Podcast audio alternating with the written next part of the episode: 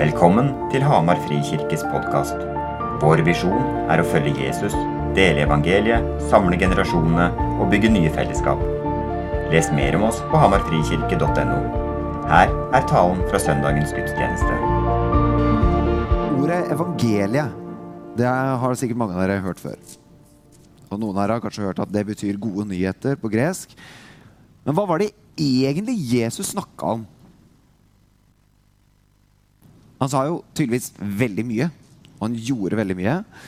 Og så vi, ikke sant, I Norge så har vi vokst opp i en kristen kultur prega av først den katolske kirke, så den lutherske kirke, og så alt mulig rart. Og nå i dag så vi, er vi sekulære, og vi tror ikke så mye i Norge, men vi er liksom bakt inn i liksom historien om Jesus. Den, den ligger der som en slags rød tråd i samfunnet vårt. Så Mange kjenner til det, og mange har hørt om Jesus. Men hva, hva, hva var det egentlig Jesus snakka om? Sånn egentlig. Og så kan det være, Hvis du tror, da, så du, tenker du sikkert ja, han snakka om det, han mente det, dette var greiene. Og så har mange av oss veldig stort sett like, men med mange forskjellige variasjoner. Så hvis jeg hadde spurt alle dere fortell, hva var det Jesus sa, hva, hva, var på en måte kjernen i Jesus sitt evangelium, så hadde vi sikkert fått eh, 100 forskjellige historier, men noen sånn fellestrekk her og der. Men hva var det han egentlig sa? Og så eh, tror ikke jeg da at jeg klarer å presentere det, fordi det er skrevet tusenvis av bøker og doktorader om det greiene der. Men det jeg skal gjøre nå, da, er at jeg har ikke prekt så mye i vinter. ikke sant? Men nå, nå skal jeg preke fire søndager på rad. Og så skal jeg, nå har jeg liksom bare tenkt nå, nå, skal jeg, nå skal jeg forklare greiene. Sant? Så nå er det liksom bare sit down, prepare. Nei, jo, ja, jeg skal det. Poenget mitt da er nå skal jeg bruke fire søndager, og så skal jeg prøve å sette ord på kanskje kjernen i det Jesus snakka om. Kanskje. Slik jeg forstår det. Og så håper jeg at det er bra og riktig. Men det, det er skrevet, som sagt, det er skrevet tusenvis av doktorgrader, så det er ikke sikkert uh, det er så bra. Og jeg, jeg tror det. Poenget er at uh, det er ikke helt enkelt. Men jeg tror vi skal klare å peke på noen kjerneting. Vi starter i Markus kapittel 1, vers 14 og 15. Og der sa Jesus Etter at Johannes, døperen, var blitt fengsla, så kom Jesus til Galilea, et område nord for Jerusalem, og forkynte Guds evangelium. Altså de Guds gode nyheter. Og han sa, tiden er inne, Guds rike er kommet nær. Vend om og tro på evangeliet. Tiden er inne. Guds rike er kommet nær. Vend om, tro på evangeliet. Fire leddsetninger som Markus, han som skrev evangeliet, mener oppsummerer alt Jesus snakka om og gjorde. Så det Markus gjør her, er at han sier at alt Jesus sa, alt Jesus gjorde, alt Jesus levde, oppsummeres i de fire setningene. Og da skjønner vi plutselig hvorfor det er skrevet tusenvis av doktorgrader og bøker, og vi har forska på det i 2000 år, og vi er fortsatt så lærer vi nye ting.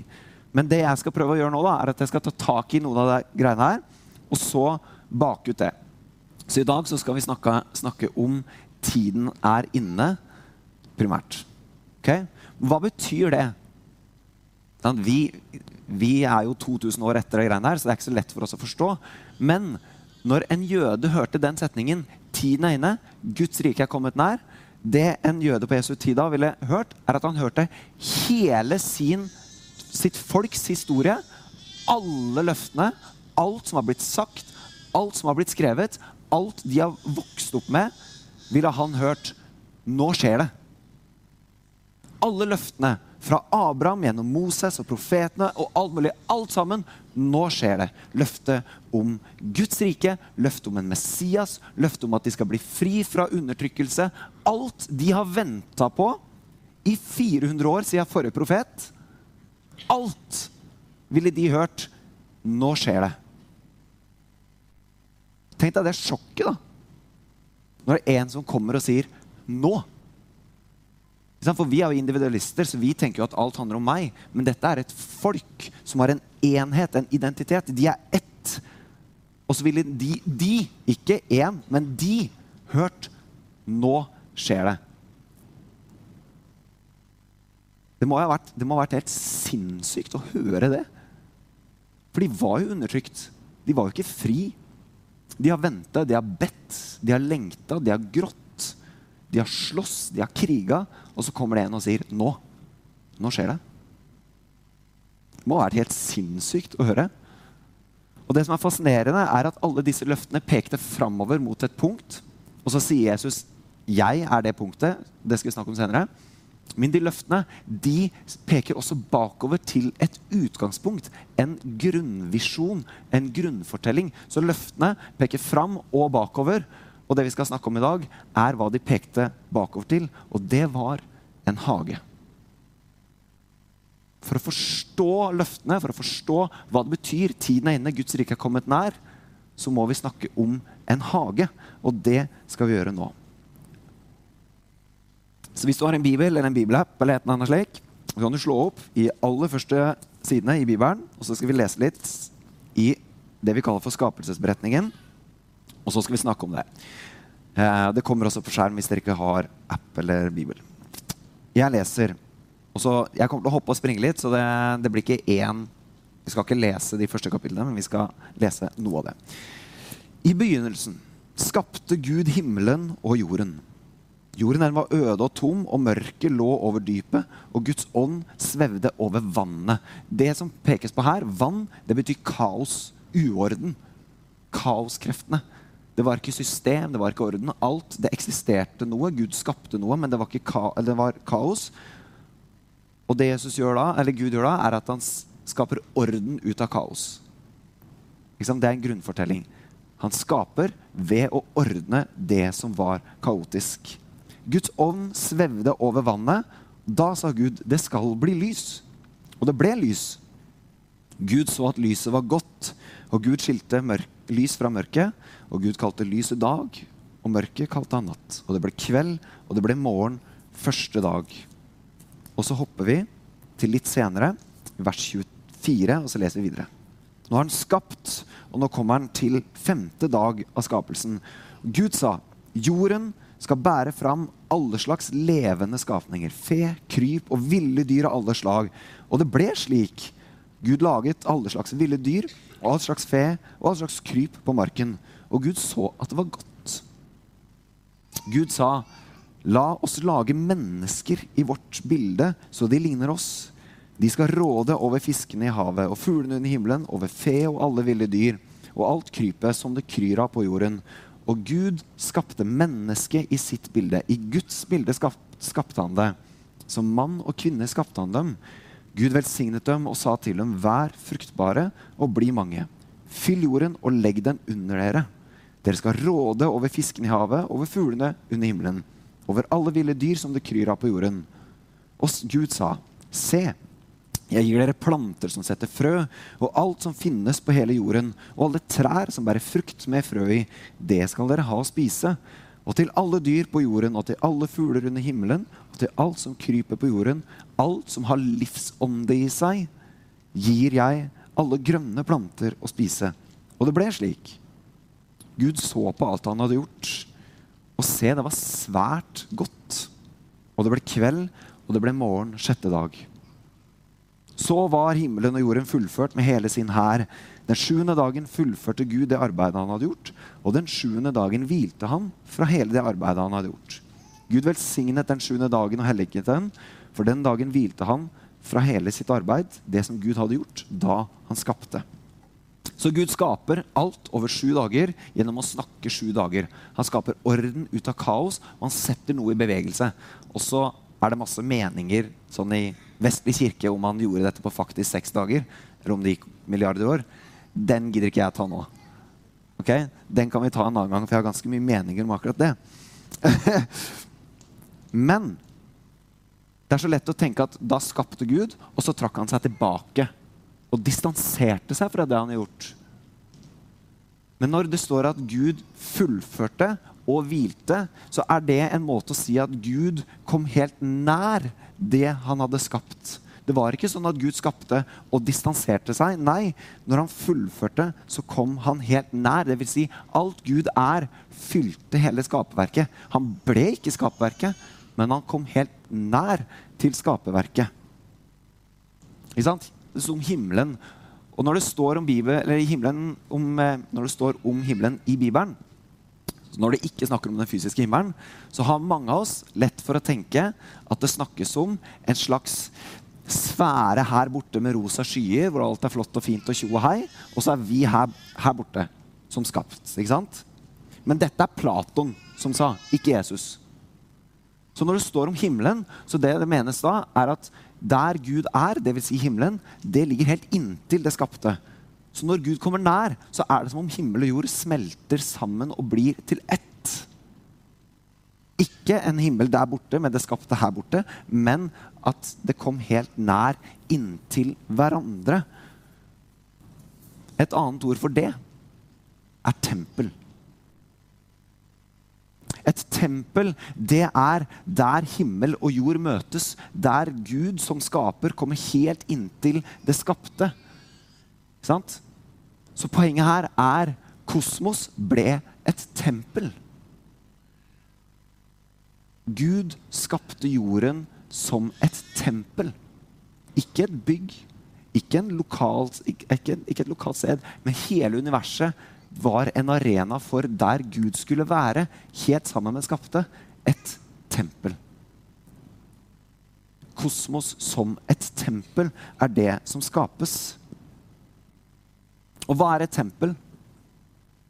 Og Det er jo et sted for tilbedelse. Et sted for fellesskap med Gud og med hverandre. Et tempel er jo der himmel og jord møtes. Sant? Hvis vi reiser rundt i verden og besøker templer, hva er, hva er det templer handler om? Det handler om nettopp dette. Det handler om å møte det guddommelige. Det handler om å komme nær. Det handler om bønn, tilbedelse, fellesskap. Poenget med skapelsesberetningen var et tempel. Og det er det første jeg vil at vi skal ta med oss i dag. Grunntonen i det Jesus sier 'tiden er inne', er tempel. Og så skal jeg snakke masse om det senere. neste ukene. Men vi må ha med oss det at kosmos, hele skapverket, var det tempelet og at tempelet er en nøkkel for å forstå hva Jesus egentlig snakka om. Du, hvis du studerer templer på, på, gamle Israels tid, eller templer andre steder i dag, så var det én ting som stort sett alltid var til stede i et tempel. Og det var et bilde av Gud. En statue, en plakett. Noe som symboliserte det de tilba. Ikke sant? Så poenget var jo at når man gikk til tempelet, så gikk man for å se på Gud. For å se hvem han var, slik at man kunne gjenkjenne og tilbe det. Det var det, Når man gjør arkeologiske undersøkelser, så finner man dette i alle templer. Og da er det interessant da, at det står om mennesket. At Gud skapte mennesket i sitt bilde. Og da gir det plutselig mening. da, hvordan, Hvis kosmos er et tempel, og så var det plutselig mennesket som var bildet på Gud. Man lagde ikke en fysisk beskrivelse av Gud. Nei, mennesket var bildet på Gud. Det er merkelig og veldig, veldig viktig. Fordi hva betyr egentlig det? Jo, det at vi ble skapt i Guds bilde, betyr at vi skulle speile Guds karakter. Vi skulle ligne Gud. De som hørte Joakim tale forrige søndag, snakka om det at det, det, lå i menneskets grunntanke at vi skulle ligne på han som hadde skapt oss. Vi skulle ligne Gud.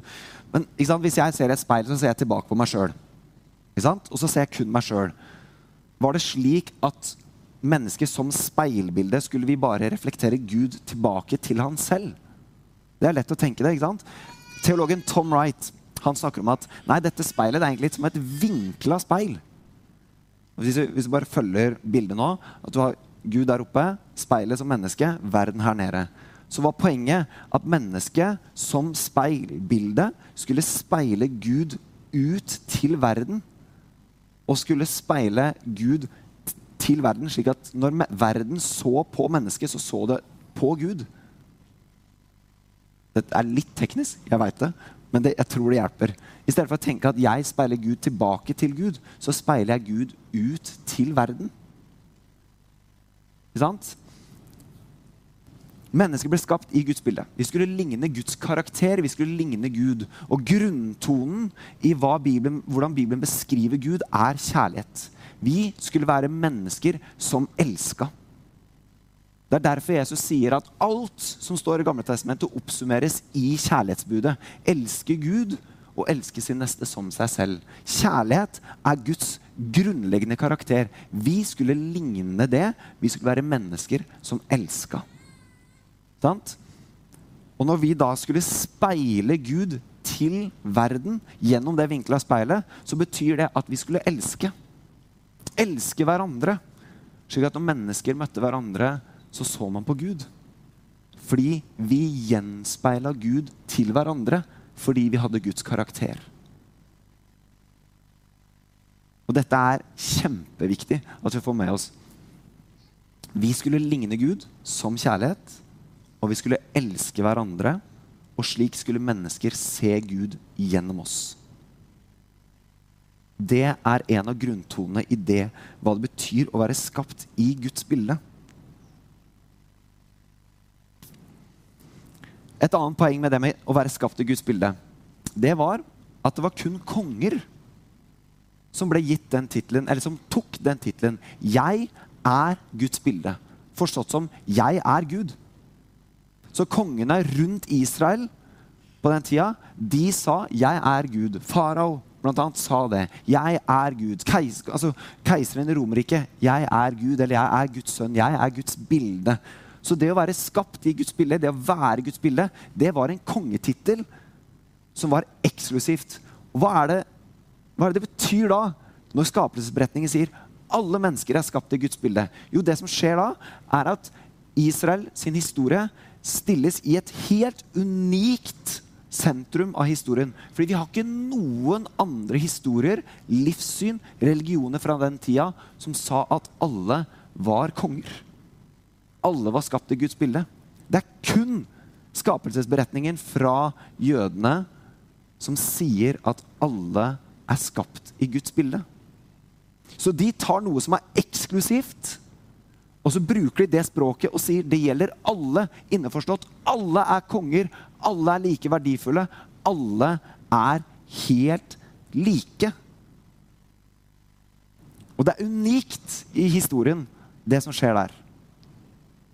Og vi har egentlig ingen, så vidt jeg vet, bortsett fra kanskje nyere livssyn, som er slekta, slekter på kristendommen, som forteller noe lignende. Mennesket har alltid plassert individer, noen i sentrum. En konge, en president, en idrettsstjerne. Noen er mer verdt enn noen. Men det skapelsesberetningen sier, nei, alle er konger. Alle er skapt i Guds bilde. Alle er like verdifulle. Og det er helt unikt i verdenshistorien. Og det er fascinerende. Men hva er det en konge gjør? Og en konge hersker og regjerer. Så hvordan skal man herske da, som konge i Guds rike eller i Edens hage? Jo, man skulle gjøre det gjennom å være fruktbare og bli mange. Gjennom å fylle jorden og legge jorden under seg. Det var sånn man skulle herske. Man skulle forvalte noe. Man skulle skape noe.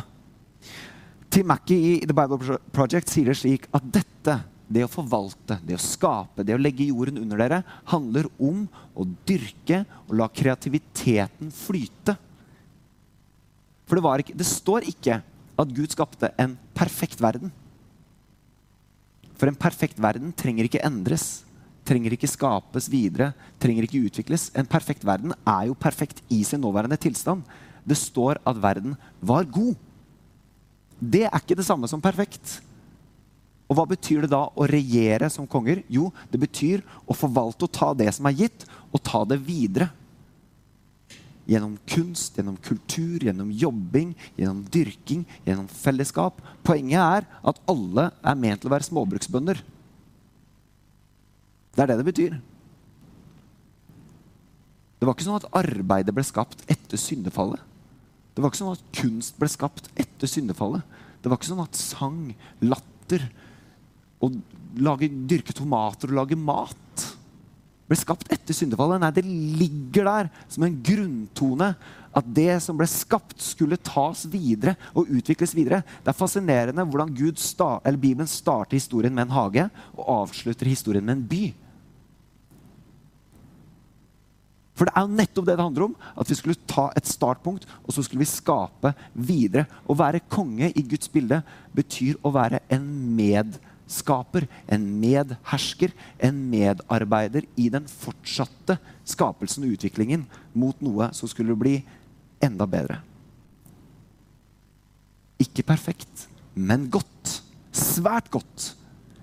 Ikke ferdig, men et utgangspunkt.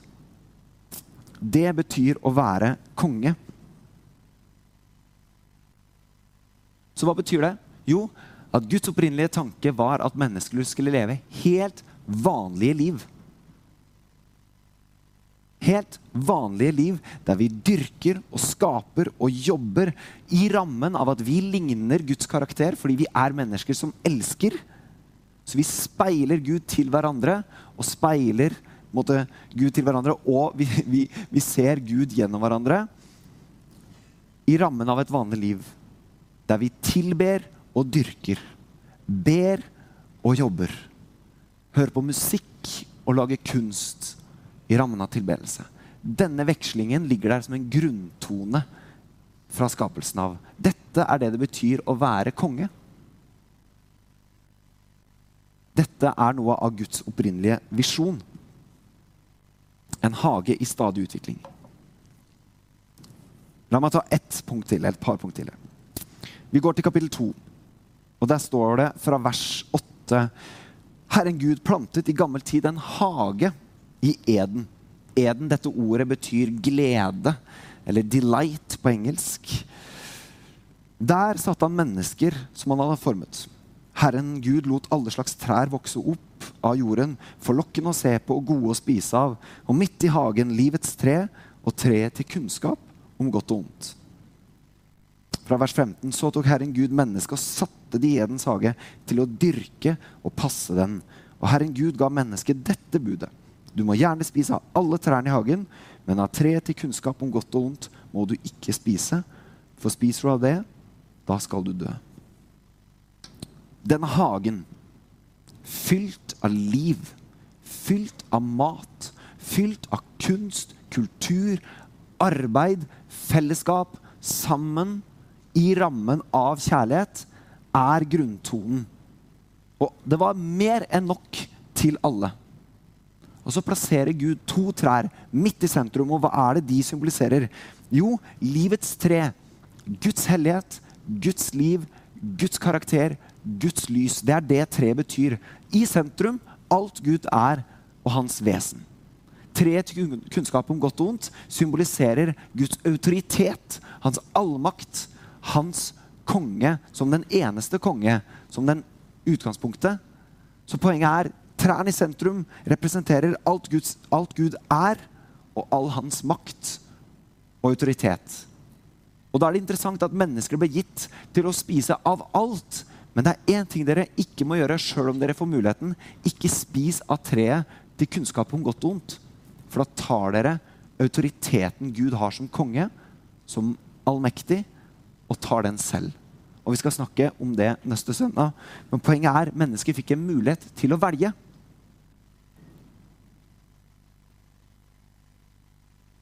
Og Det som er fascinerende, er hvordan Bibelens forfattere over de 1500-1600 årene som Bibelen ble skrevet, syr historiene om trær sammen som en slags streng som spilles på igjen og igjen og igjen. Det starter med et livets tre, og det ender med et livets tre. Det starter med en hage og en by, og i byen så står det om dette treet. Og i sentrum av denne historien så forteller Det nye testamentet om et livets tre som et kors. Og det er, det er, merkelig hvordan Bibelens forfattere bruker dette livets tre, alt Guds vesen, alt Guds liv, all hans, alt hans lys, så plukker de opp den strengen når de forteller historien om Jesus. At når han hang på korset, så ble død til liv. Dette forbannelsens tre, smertens tre, lidelsens tre, ble et livets tre på nytt. Det er akkurat det samme, bare på en annen måte. Strengen som går igjen, er liv, lys, kjærlighet i rammen av trær, i rammen av hage. Og Gjennom Jesus så ble livets tre tilgjengelig igjen. Fordi historien litt senere fra det vi leste, forteller at livets tre ble gjort utilgjengelig. Det ble låst inne. Ingen får komme til livets tre. Og så kommer Jesus, og så viser han et nytt livets tre. Som han hang på. Guds visjon for verden, den opprinnelige tanken, var ikke at vi skulle sitte på en rosa sky et sted der ute og synge kumbaya med små englevinger. Men det er jo fort det vi tror det handler om. Guds opprinnelige tanke var vanlig liv. Forvaltning, skaping, kreativitet. Der vi skulle leve i fellesskap, fylle jorden, dyrke og forvalte og ta det som var godt, og utvikle det videre til det beste for alle. I rammen av at vi tilber Han som har skapt alt dette, og lever i fellesskap med hverandre. Kosmos var tenkt som et tempel der det ikke var tvil om hvem som var Gud som skulle tilbes. Fordi Gud var helt nær. Det står om at Gud gikk omkring i den svale kveldsbrisen. Det er jo det det betyr. Gud var nær. Han var midt i det hele. Midt i skapelsen. Så gikk han blant det skapte i den svale kveldsbrisen. La meg ta dere med på en liten visualisering til slutt. Dere kan få lukke øya. Og Så kan du se for deg at du går langs åkrene på Hedmarken. Det er slutten av juli. Sola er i ferd med å gå ned over hedmarkshimmelen. Og du får den derre store, åpne, gule, nesten rødlige kveldssola, kveldshimmelen over Hedmarken. Skurtrøskerne er ute på åkrene, og lufta er fylt av lukta av korn, av støv. Det er varmt. Når du går der, så er det som om du er i kontakt med en slags opplevelse av mening. Det er jo slik det skal være. Og jeg tror at når vi smaker de øyeblikkene, enten det er langs en åker, eller når arbeidet, jobben, er på sitt aller beste, eller når den sangen skaper de frysningene, eller det måltidet gjør at alt bare stopper opp fordi ingenting er så godt som det du smaker i det øyeblikket. Eller den klemmen. Så tror jeg at vi smaker det hellige. Og det er som om vi kjenner liksom resonnementet fra Edens hage. At det er noen strenger som spilles på av at det er jo slik det skulle være. Det er noe hellig, det er noe opprinnelig, det er noe meningsfylt. Det er ikke en rosa sky. Det er det vanligste av det vanlige, men så hellig allikevel. Og jeg tror det er grunnstrengen i mennesket, lagt ned i oss. Slik skulle det egentlig være. En hage med fellesskap, med kreativitet, med utvikling, med Gud midt i det hele. Og så midt i det her Når vi er ferdig med å gå langs åkeren og komme hjem til et hus som er i kaos, eller en jobb som er sliten, slitsom, eller en helt middels poplåt fra 90-tallet, så merker du at livet er litt dritt. Og så erfarer vi jo at ja, men, det er jo ikke sånn hele tida. Men tiden er inne. Guds rike er kommet nær. Vend om og tro på evangeliet. så forteller Bibelen historien om hvordan dette er jo noe Gud skal gjenskape. Men vi lever midt i en virkelighet av at så enkelt er det ikke, Eirik. Og det er sant. For det er ikke så enkelt. Men det ligger et løfte der om at tiden er inne, Guds rike har kommet nær. Alt det dere har venta på, denne hagen, er nær. På en annen måte. Det ser annerledes ut. Men gjennom det hverdagslige livet så er det som om vi kommer i kontakt med det hellige. Og når vi kommer i kontakt med det hellige, med denne strengen fra Edens hage som spiller i oss, da mener jeg at den rette responsen er å rette blikket tilbake til Gud, til Han som vi skal speile, og så si takk. Og så en gang så skal vi smake noe mer, og så skal ting løsne. Men Guds tanke var en hage. Arbeid, kreativitet. Og det er det Jesus sier. Tiden er inne. Han plukker opp alt dette, alle disse løftene, alle disse bildene, og så sier han nå skjer det. Skal vi be før vi skal lovsynge litt? Mm.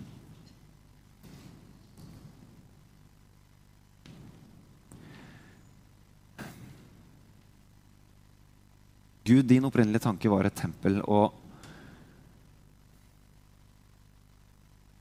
Det er et fint bilde, men det er ikke alltid like lett å erfare det, eller smake det, eller se det. Og så takker jeg for de øyeblikkene når vi faktisk gjør det, når vi kjenner at her er det noe. Noe som er større, noe som er hellig, noe som er rent. Noe som er godt.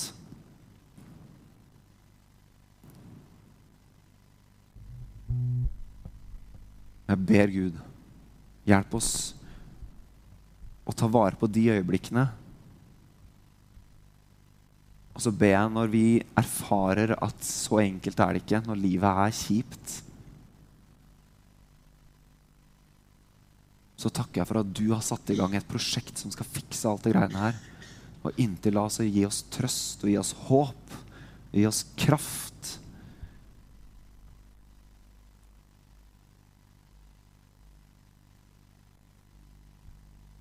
Vi ber om det.